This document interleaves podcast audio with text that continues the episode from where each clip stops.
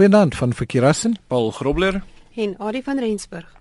Appels en pere en wat s'e gesegde? Ek weet nie maar hier ja. is ons menere. Ja, ja. ons is hier om uh, vandag gaan ons 'n bietjie meer tyd uh, gee of aandag gee aan Apple verbruikers onder ons onder ons luisteraars, nê. Nee. Daar seker baie van ons Ja, ons Apple gebruik. Ja, ek wil ons is darm in Suid-Afrika daar is darm ons hou van ons vrugte.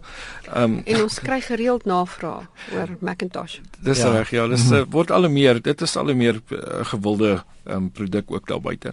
Nou ehm um, ons het gevra spesifiek waarvoor gebruik mens dan nou die Apple Remote Desktop. Nou dit is soortgelyk aan natuurlik Remote Desktop Assistant wat jy in Microsoft kry en die Apple Remote Desktop of die ARD word dan nou veral gebruik om Macintosh rekenaars op 'n netwerk te bestuur en te beheer. En uh, die vernaamste vier funksies wat um, dit verrig is onder andere om 'n skerm te kan sluit uh, van 'n spesifieke rekenaar um, op die netwerk. So as iemand dalk vergeet het om um, hulle skerm te sluit, dan kan mens dit uh, via um, Apple Remote Desktop doen. Dan natuurlik ook um, neem mens uh, kan jy um, waarneem wat op 'n ander rekenaar se skerm wys en jy kan die ander rekenaar kontroleer en natuurlik kan jy ook die skerm uh, deel tussen twee rekenaars. So daar's 'n hele paar voordele daaroor. Ek natuurlik vir onderwysers nê, as jy in 'n klas is wat Macintosh rekenaars het, dan kan jy dadelik sien waarmee hulle besig is. Hmm. Hmm. Ja, daar is 'n uh, hele paar sagte ware ook beskikbaar, maar dit is natuurlik nou klaar geïntegreer hierso met die um, Apple Remote Desktop, nou, so dis voordelig. Paul, ek is nou nie 'n Apple of 'n Macintosh ge, uh, gebruiker nie, maar hmm. uh, kan jy nou ook 'n uh, Apple iPhone byvoorbeeld gebruik om om die desktop remote te doen of is dit net vir ander rekenaars af dalk? Sover ek weet, ek weet nie of hulle ek dink van die iPhone af jy kan nie jy kan die sagte ware installeer en dan natuurlik hmm. van daar af beheer. Ek weet mense kan dit doen met uh daar's 'n hele paar apps beskikbaar hmm. waarvan ek weet. Want dit kan dalk um, voordele inhou as jy byvoorbeeld vergeet het om jou uh, skerm te sluit. Ja, hier is natuurlik hier is natuurlik nou meer vir administrateurs of hmm. uh, mense wat natuurlik nou die die hulpfunksie um uitrig by 'n by 'n um, by die werk natuurlik self. Nou mense kan natuurlik uh, ook gebruikers help wat sukkel uh deur beheer oor hulle rekenaars te neem en en dan ook om dit waarmee hulle sukkel namens hulle te doen en uh, deur die skermdeling funksionaliteit. Dis dis nog glad nie 'n nuwe beginsel nie. Dit staan al lank op ja. Windows, nee die, ja, wel ek ek neem aan dit bestaan seker al 'n ruk lank op Macintosh ook. Mm. Ons gesels nou maar net spesifiek daaroor, mm. um, omdat daar so baie gebruikers deesdae is wat natuurlik die die um, Apple rekenaars gebruik. Nou in indien mens nie wil hê dat die gebruiker enigiets moet kan sien wat die administrateur um, beheer oor um, oor die gebruiker se rekenaar oorneem nie, um, kan jy die gordynmodus of die curtain mode gebruik. So ek wonder nou of dit nou beteken dat dit 'n uh, window het. Ja. Ek wonder maar net. Ja. Nou ja, die gebruiker kan dan nie sien wat die administrateur doen nie. So die venster is toe. Okay, ja, ek wou um, sê die hele die hele stelsel is 'n gordyn vir Windows. ja. So. Nou ja.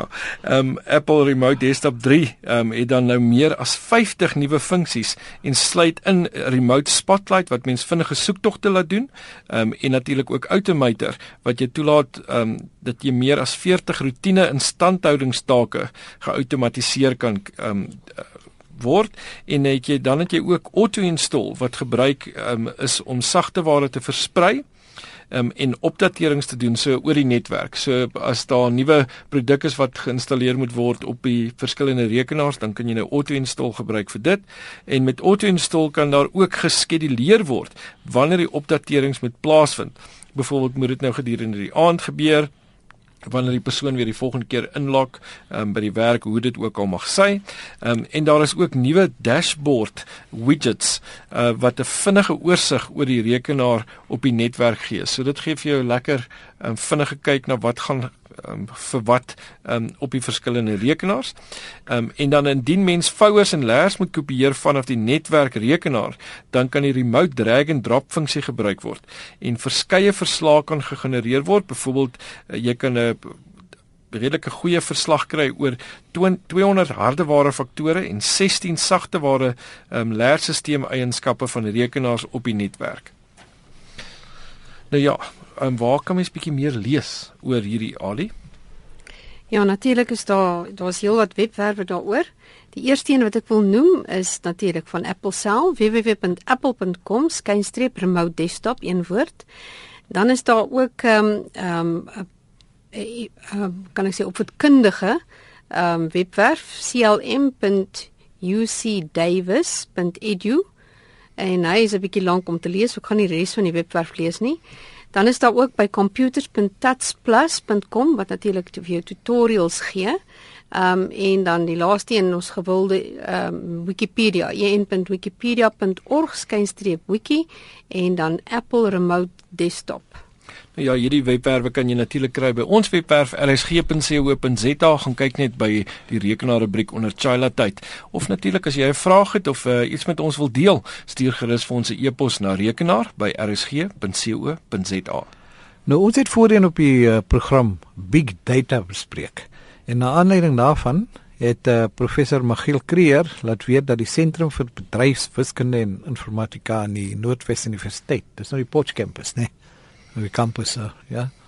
En uh daar's 'n meestersgraad. Ari, jy weet 'n bietjie meer hiervan. Dis reg, ja, hy het vir ons geskryf ehm um, nadat ons daaroor gepraat het en gesê dat hulle eintlik dan nou 'n meestersgraad aanbied. Ehm um, waar studente opgelei word in die analitiese tegnieke wat nodig is vir big data. Nou, ons het laas gesê big data gaan uiteraard meer en meer toeneem en ons het laas ja. ons gepraat eintlik van fog computing. Ja, en ons het um, gepraat van hoe groot dit is ja, en dis massief. Dis ja. massief en daar gaan so baie wees so dit is hulle is natuurlik heel vooruit um deur dit nou al reeds aan te bied um as 'n as 'n kursus so gaan kyk gerus um as jy dalk nou uh, nog op skool is en jy stel belang hierin gaan kyk gerus dan by www.nwu.ac.za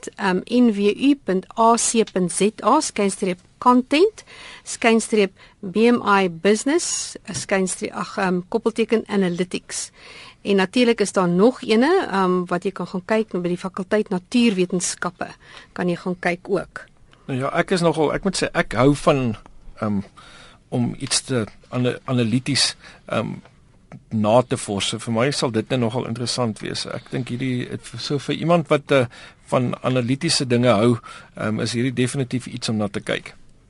Goed, nou Ina Malan het ook vir ons geskryf en sy wil weet watter program is veilig om te gebruik om YouTube video's af te laai. Nee, natuurlik, soos enige onderwyseres en onderwyser daar buite of ehm um, lektor ehm um, of gebruiker ge gebruiker is ons lief om om goed af te laai van YouTube af want ons wil dit hê om net weer te kyk of ons wil dit gebruik in die klas of iets in diervoege.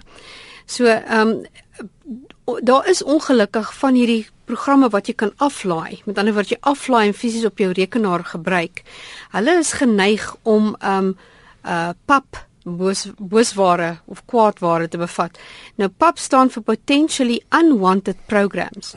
En dikwels mense moet baie versigtig wees as jy dit kyk want dit dit installeer ekstra sagte ware op jou op jou rekenaar wat vir jou eintlik aan die einde van die dag 'n bietjie grys hare kan gee. So ek het al met een of twee van hulle te doen gehad. Ehm um, so ek verkies eintlik maar om 'n aanlyn tipe program te gebruik. Soos daar's 'n hele paar. Ehm um, een wat in die verlede wat ek baie gebruik het is Keepwit keepwit.com dan word kort kort vir keep keep video keepwit.com en dan is daar 'n catchvideo.net en daar is ook ander wat ek nou nie gaan noem nie. En al hierdie webwerwe kan jy kry op ons webwerf. Ja, gaan kyk gerus by rsg.co.za onder 'n eh, childhood by die rekenaar rubriek. Nou Ari, uh, ek weet dat uh, Internet Explorer wag vir 'n stoor. As as jy vra natuurlik dat hulle stoor nie, maar op 'n stadium gaan jy seker dit wil verwyder, kan jy? Ja, ons het al daai vraag gehad. Ehm um, jy kan dit verwyder. So as jy in Internet Explorer is, dan gaan klik jy op die, die rat ikoon. Hulle noem dit in Engels die gear icon regs bo. En dan selekteer jy Internet Options uit jou tuimel kieslys of die drop-down menu.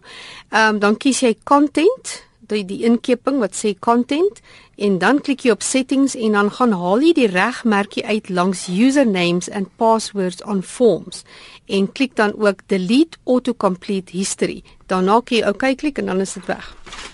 Nou, dit is 'n lang proses, maar dit kan maklik gesien word.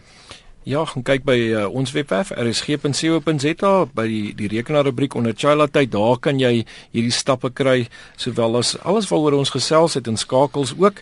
En dan natuurlik kan jy ook vir ons 'n e-pos stuur na rekenaar by rsg.co.za. En net tyd vir 'n vraag, wat is Cortana? Wat is Cortana? Ons gesels bietjie volgende week daaroor. Tot dan van Verkeerassen. Paul Grobler En Adie van Rensburg Goeienaand.